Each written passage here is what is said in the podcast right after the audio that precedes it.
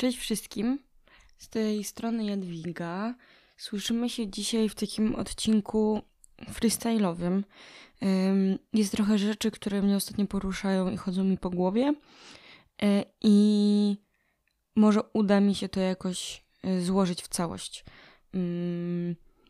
Chyba jakimś takim motywem przewodnim będzie zastanawianie się znowu trochę nad narracją ale też nad jakimś takim pluralizmem i łączeniem ze sobą różnych perspektyw. No, więc zapraszam, zobaczymy, co z tego wyjdzie.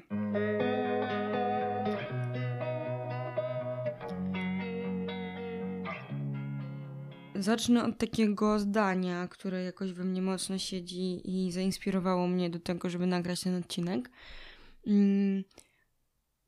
Ostatnio na jednym z kręgów opowieści o zmianie y, jedna z osób podzieliła się tym, że dla niej w pewnym momencie dziwne się to stało i tru trudno się to stało dla niej angażować się w jakiś ruch, dlatego że mm, z takiego mówienia o katastrofie klimatycznej i w ogóle o życiu i o działaniu na rzecz planety i jakiejś stabilności na niej. Mm, nagle okazało się, że mówimy o energetyce, o, yy, o bardzo konkretnych rozwiązaniach po prostu. I że ta osoba w ogóle się na tym nie zna. I że w momencie, w którym w ogóle chodziło o yy, jakoś o, o życie na planecie, to było jej łatwiej się angażować. Bardziej czuła, że to jest jej. I mi się to skojarzyło jakoś mocno z tym, że miałam okazję już jakiś czas temu mm, przerwać przemówienie premiera Morawieckiego. I pamiętam, że to było bardzo na spontanie. Tam dzień wcześniej się dowiedzieliśmy, że on tam będzie i przyszliśmy i trochę ja nie wiedziałam, co powiedzieć, jak tam będę wchodziła. W sensie, wiecie, tak sobie próbowałam ułożyć co tam powiem. No bo w sumie jak już się wbijam na scenę, to warto by było powiedzieć coś mądrego. Mm, I wiedziałam, że to będzie o naszej kampanii w ruchu Solidarności Klimatycznej, o energii w ręce ludzi, o tym, że, mm, no, że ten rząd cały czas zyskuje po prostu i bogaci się na, e, na paliwach kopalnych. Mm, w momencie, w którym to obywatele płacą po prostu cenę za, za taką frywolną politykę. No ale dla mnie jakoś niesamowite jest to, że w momencie, w którym weszłam tam, e, to odpaliły mi się, mam wrażenie, wszystkie moje jakieś takie mm, doświadczenia w ciele w ogóle z aktywizmu bezprzemocowego.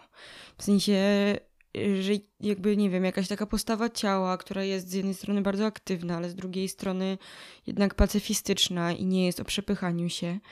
E, ale właśnie też z drugiej strony to, że w pewnym momencie, okay, te pierwsze pytania były o spółdzielczość i były o zyski Obajtka, ale potem weszło mi coś takiego, że ja po prostu zapytałam, o moje życie, o to, dlaczego Morawiecki robi tam, będąc tam akurat, greenwashing ludziom, którzy mnie zabijają. I dla mnie to było najważniejsze pytanie, które, które tam padło. I to było to pytanie, które tak bardzo mnie poruszyło i które też mnie teraz porusza, jak na przykład znowu gdzieś oglądam e, nagranie z tego wydarzenia. I teraz przeskok do, do, do jakby drugiej, drugiej części. Mm, niedługo po tym miałam e, wystąpić podczas takiego kongresu, na którym było wiadomo, że będzie dużo polityków e, z lewicy i miałam też występować e, w panelu z, z posłanką i posłem i europosłem. I wiedziałam, że, że ta moderacja mi zada pytanie o to, co bym chciała przekazać politykom. No i powiedziałam o tym mojemu znajomemu, który no i tak trochę, wiecie, zaczepnie, że ojejku, no znowu będę musiała tak krzyczeć na tych polityków. Mm. I on mi wtedy powiedział, że no, że to jest jakieś duże zaburzenie porządków. Że no, że czy ty, Jadwiga, widzisz, że to nie powinno być tak, że wychodzi młoda osoba i ona jest w jakiś sposób doroślejsza od ludzi, którzy tam siedzą. Jakoś mocno mnie to uderzyło, bo, bo on też wtedy spytał, czy mam jakąś, jakieś wsparcie w tym wszystkim w ogóle. Mm. I ja potem chodziłam i myślałam, co tam powiedzieć na tym panelu tym politykom i jakoś mi było z tym bardzo ciężko. W sensie miałam po prostu wrażenie, że no jak ja mam teraz tam wyjść, skoro ja już teraz wiem, że to nie powinno tak być i w ogóle co? No i to, co zrobiłam, to znowu po prostu stwierdziłam, że wyciągnę z, z siebie, że co we mnie jest żywe, co, co naprawdę bym chciała im powiedzieć, gdyby nie było żadnego ruchu, gdyby nie było kampanii, gdyby nie było, nie wiem, tak, że tam idę i wiem, że mam się jakoś zaprezentować, co bym chciała powiedzieć tym politykom. Zdjęłam po prostu jakieś takie sobie różne osłonki i sięgnęłam do tego, co jest we mnie.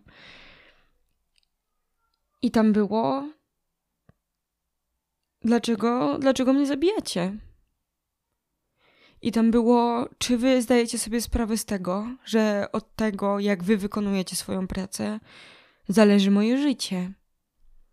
I czy wy wiecie, podejmując, macie świadomość, podejmując ważne decyzje na szczeblu europejskim, ale też na szczeblu krajowym, wybierając sobie po prostu główne punkty kampanii albo bawiąc się w burzę na Twitterze, czy wy wiecie, że od tego zależy życie moje i innych ludzi, którzy żyją w tym kraju, i moje bezpieczeństwo, i mój dobrobyt, i mój dobrostan, i to, czy ja będę mieć ciepło, i czy ja będę po prostu żyła w kraju, w którym będziemy zabijać masowo na granicy ludzi, no bo już i tak żyję w kraju, w którym zabijamy na granicy ludzi. I tylko teraz pytanie, czy to odczłowieczenie będzie coraz większe? Czy ja będę żyła w kraju, w którym dlatego, że część po prostu ludzi chce się bogacić, to ta druga część będzie sfrustrowana i będzie wychodziła na ulicę i chciała po prostu mordować, tak jak się dzieje we Francji, po prostu, że ludzie podpalili policjanta. Mm. I powiedziałam to, w sensie nie powiedziałam tego wszystkiego, co tutaj, bo teraz jestem też, wiecie, w jakimś większym już przemyśleniu tego wszystkiego. Mm, ale jakoś, no to znowu dla mnie było o tym życiu. I potem pojawił się taki, no, wkurw na to, że ja teraz też wiem, że samo uświadomienie im tego, jak oni mają duże, e, dużą odpowiedzialność, jaką oni mają dużą odpowiedzialność, nie sprawi, że oni podejmą właściwe kroki. Ale też takie, no kurde, ja mam wypracowane przez wspaniałych, mądrych ludzi potencjalne rozwiązania tej sytuacji. E, I to, że ja wierzę, że taka zmiana demokratyczna, zmiana, która jest o tym, że nagle wspólnota decyduje o tym, z czego czerpie energię, wspólnota decyduje o tym, jak dokładamy się do transformacji energetycznej, to jest rozwiązanie.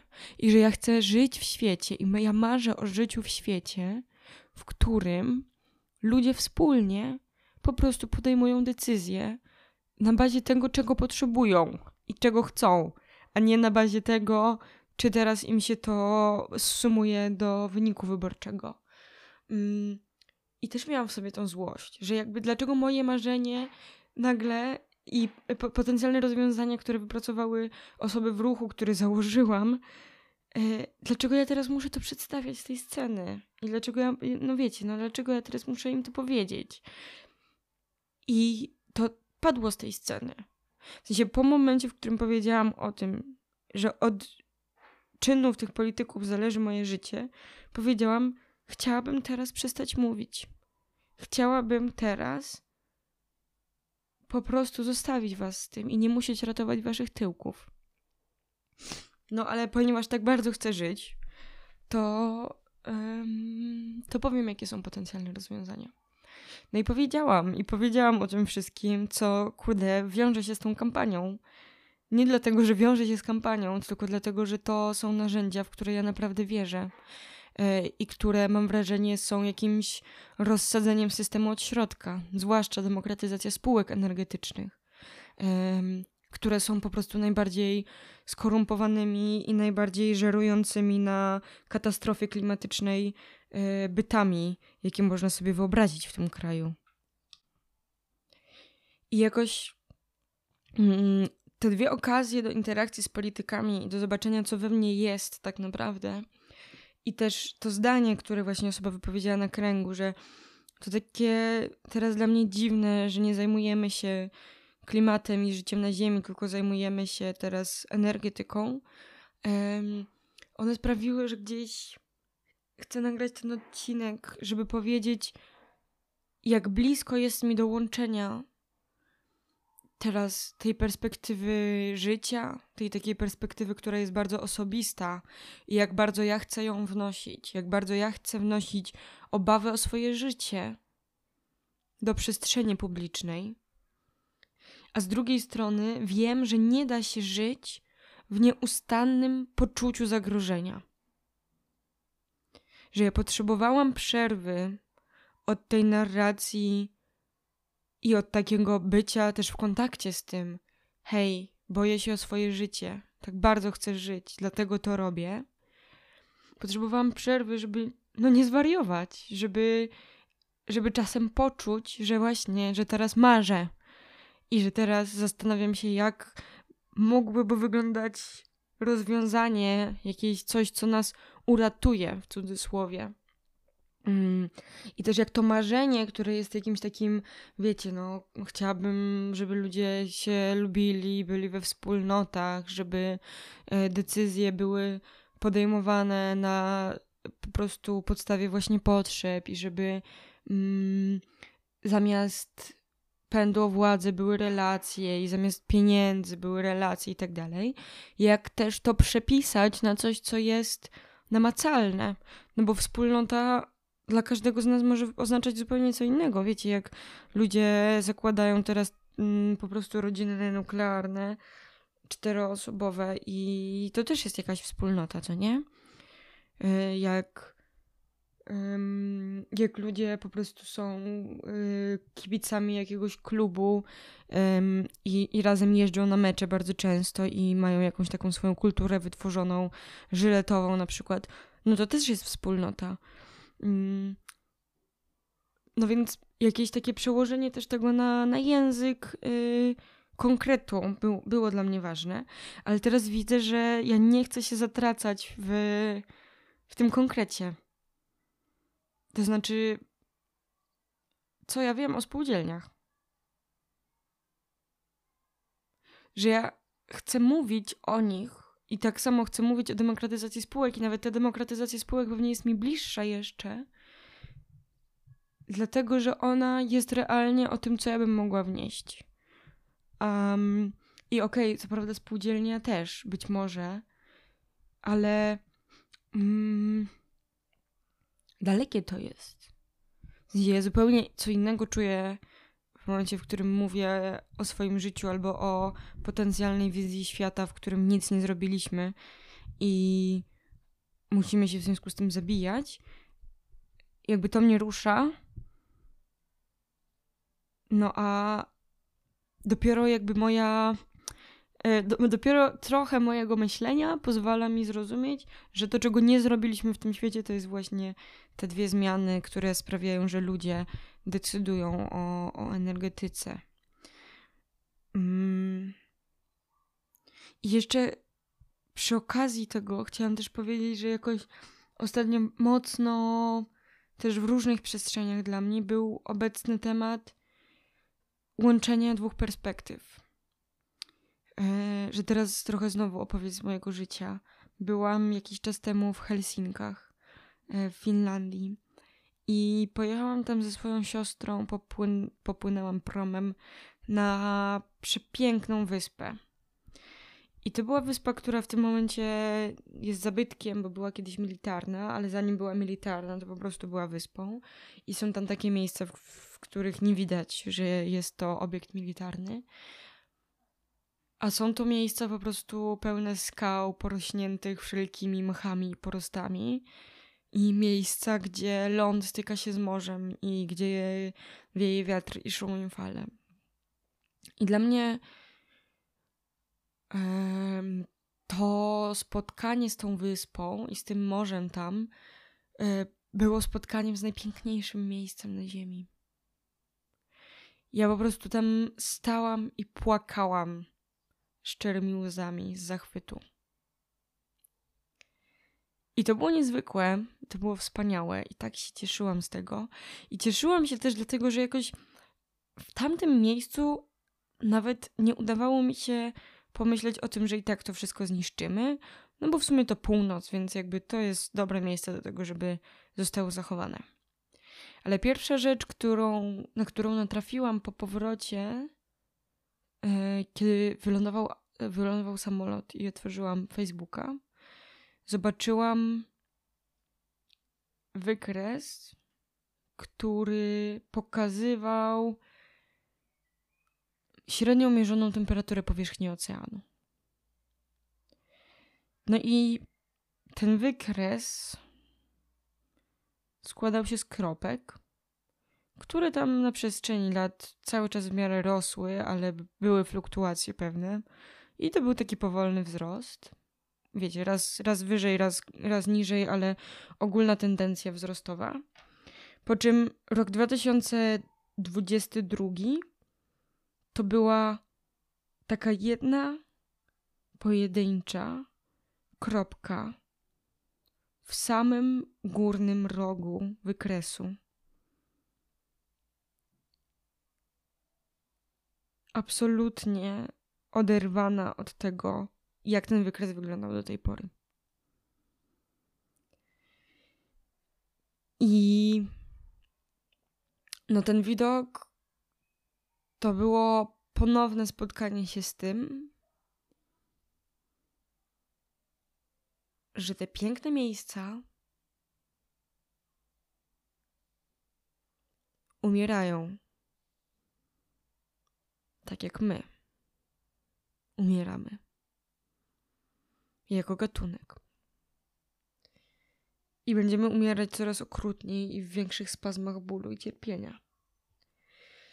I jakoś w ogóle nie mogłam, nie, nie mogłam sobie tego pomieścić, że z jednej strony tak bardzo chcę, żebyśmy mówili o marzeniach i mówili o pozytywnych wizjach i pokazywali, że są rozwiązania, tylko o te rozwiązania trzeba zawalczyć. A to jak możemy walczyć, też jest jasne, bo to, że nieposłuszeństwo obywatelskie bez użycia przemocy działa, to jest jakiś już ogólnie znany fakt. To, że potrzebujemy działań na całym spektrum, czyli działań, które też są w jakiś sposób legalne, albo działań, które są przemocowe, też jest jasne. To, że potrzebujemy masowych działań, też jest jasne. To, że potrzebujemy się organizować w siłę polityczną, która jest ruchem oddolnym, która nie jest uzależniona od finansowania, która nie jest uzależniona od agendy czyjejś i tak dalej. To jest jasne. Tylko, że.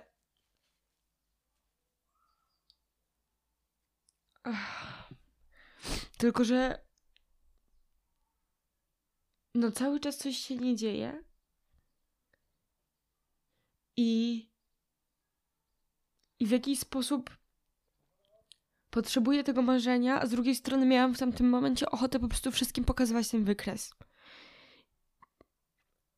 I absolutnie nie obchodziła mnie piękna wizja świata i narzędzia, które mamy do tego, i pokazywanie ludziom, że hej, możemy jakby wyjść z tej dupy jeszcze jakoś. Tylko chciałam po prostu, żeby na, nie wiem, po prostu wszystkim do skrzynek powrzucać ten wykres, wywiesić go na billboardach i wyświetlić na wszystkich komputerach tego świata. I powiedzieć: tak, tu jesteśmy, umieramy. I teraz wracam do tego, że potrzebujemy dwóch perspektyw. bo ja nie mam absolutnie żadnych wątpliwości co do tego, że w momencie, w którym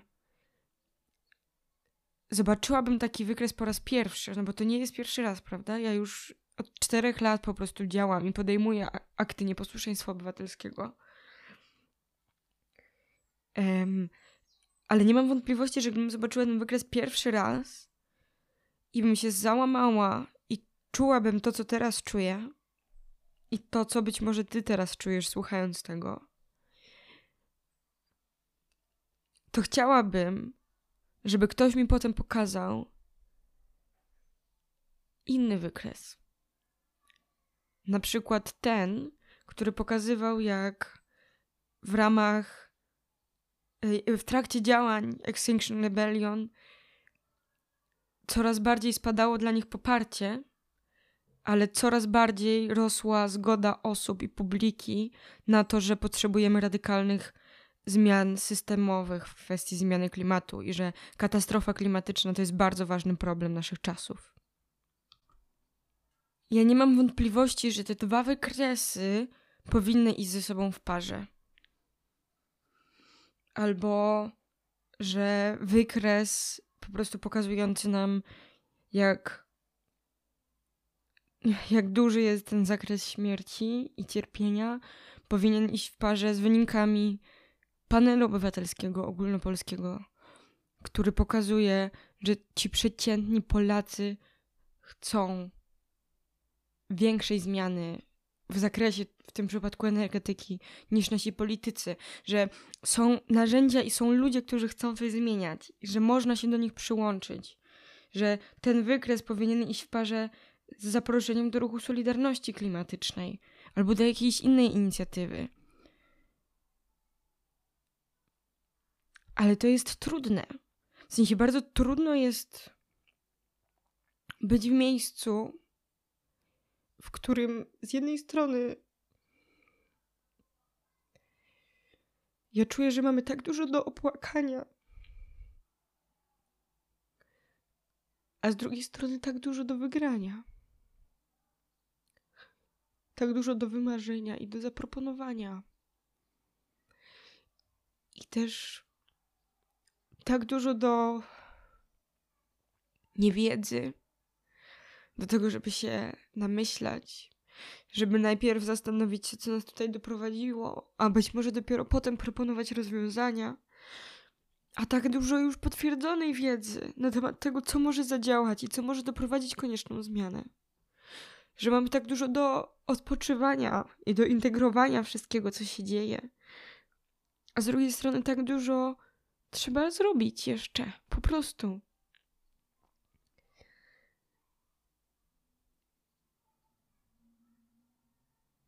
I no, to jest jakieś nie wiem, takie rozdzierające, ale też wypełniające. Tak, ja po prostu czuję, że tak rosnę, kiedy myślę o tym łączeniu ze sobą tych różnych perspektyw i tego, że to nie jest jedno albo drugie. I na przykład to, o czym teraz mówię, to, że zobaczyłam, że gdzieś e, zawsze te dwa, te, te dwa, nie wiem, bieguny, te dwie mm, jakby te rzeczy ze sobą gadają, otworzyło mnie trochę na taką na coś, co myślałam, że już mam, ale się okazało, że cały czas gdzieś się w tym zapędzam, na taką niepewność. Hej, może może te ruchy społeczne nas nie uratują. W sensie ja myślę, że tak. Myślę, że to jest as good as it gets. Ale jest tam gdzieś przestrzeń na to, żeby się namyślać, że może jest coś nowego.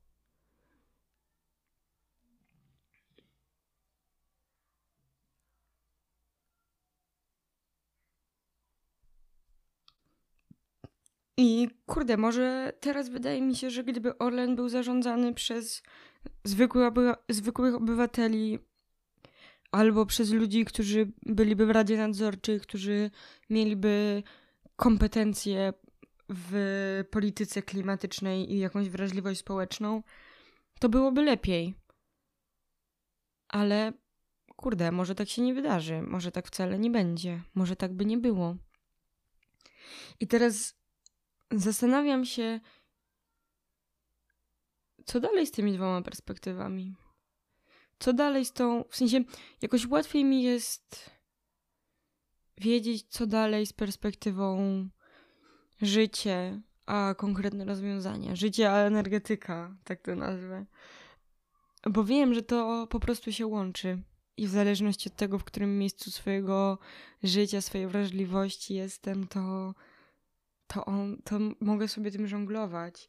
Wiem, że w tej obojności, oboczności, obu, obu jakości żałoby, opłakiwania, a marzenia i, i pięknej wizji też wiem, że po prostu wtedy, kiedy trzeba płakać, wtedy płaczę, a wtedy, kiedy trzeba marzyć, wtedy marzę. Ale ta pewność i niepewność skuteczności działań to jest coś, z czym jakoś teraz się zmagam mocno. No bo jak działać, skoro jest się niepewnym tego? Hmm, chociaż z drugiej strony, jak teraz tak myślę, to czy ja zawsze tak trochę nie działałam? W sensie w momencie, w którym człowiek i tak opłakuje katastrofę klimatyczną i chaos, który na pewno będzie, to w sumie wiadomo, że trzeba po prostu robić to, co wydaje się wystarczająco dobre, żeby temu zaufać i żeby włożyć w to swoją siłę. No i cały czas trzeba być z tym, że to może zawieść i nie wypalić. No i to też jest trudne. No, więc z tym Was zostawiam. Z opowieścią o życiu i energetyce, o największym wyzwaniu i największym chaosie, i największej katastrofie, i najpiękniejszym marzeniu, i milionie rozwiązań, i o pewności, że trzeba działać, i niepewności, co to działanie przyniesie. I nawet już chyba nie zapraszam Was do obserwowania albo lajkowania. Po prostu zostawiam Was z tymi trzema opowieściami dzisiaj. Do usłyszenia za tydzień.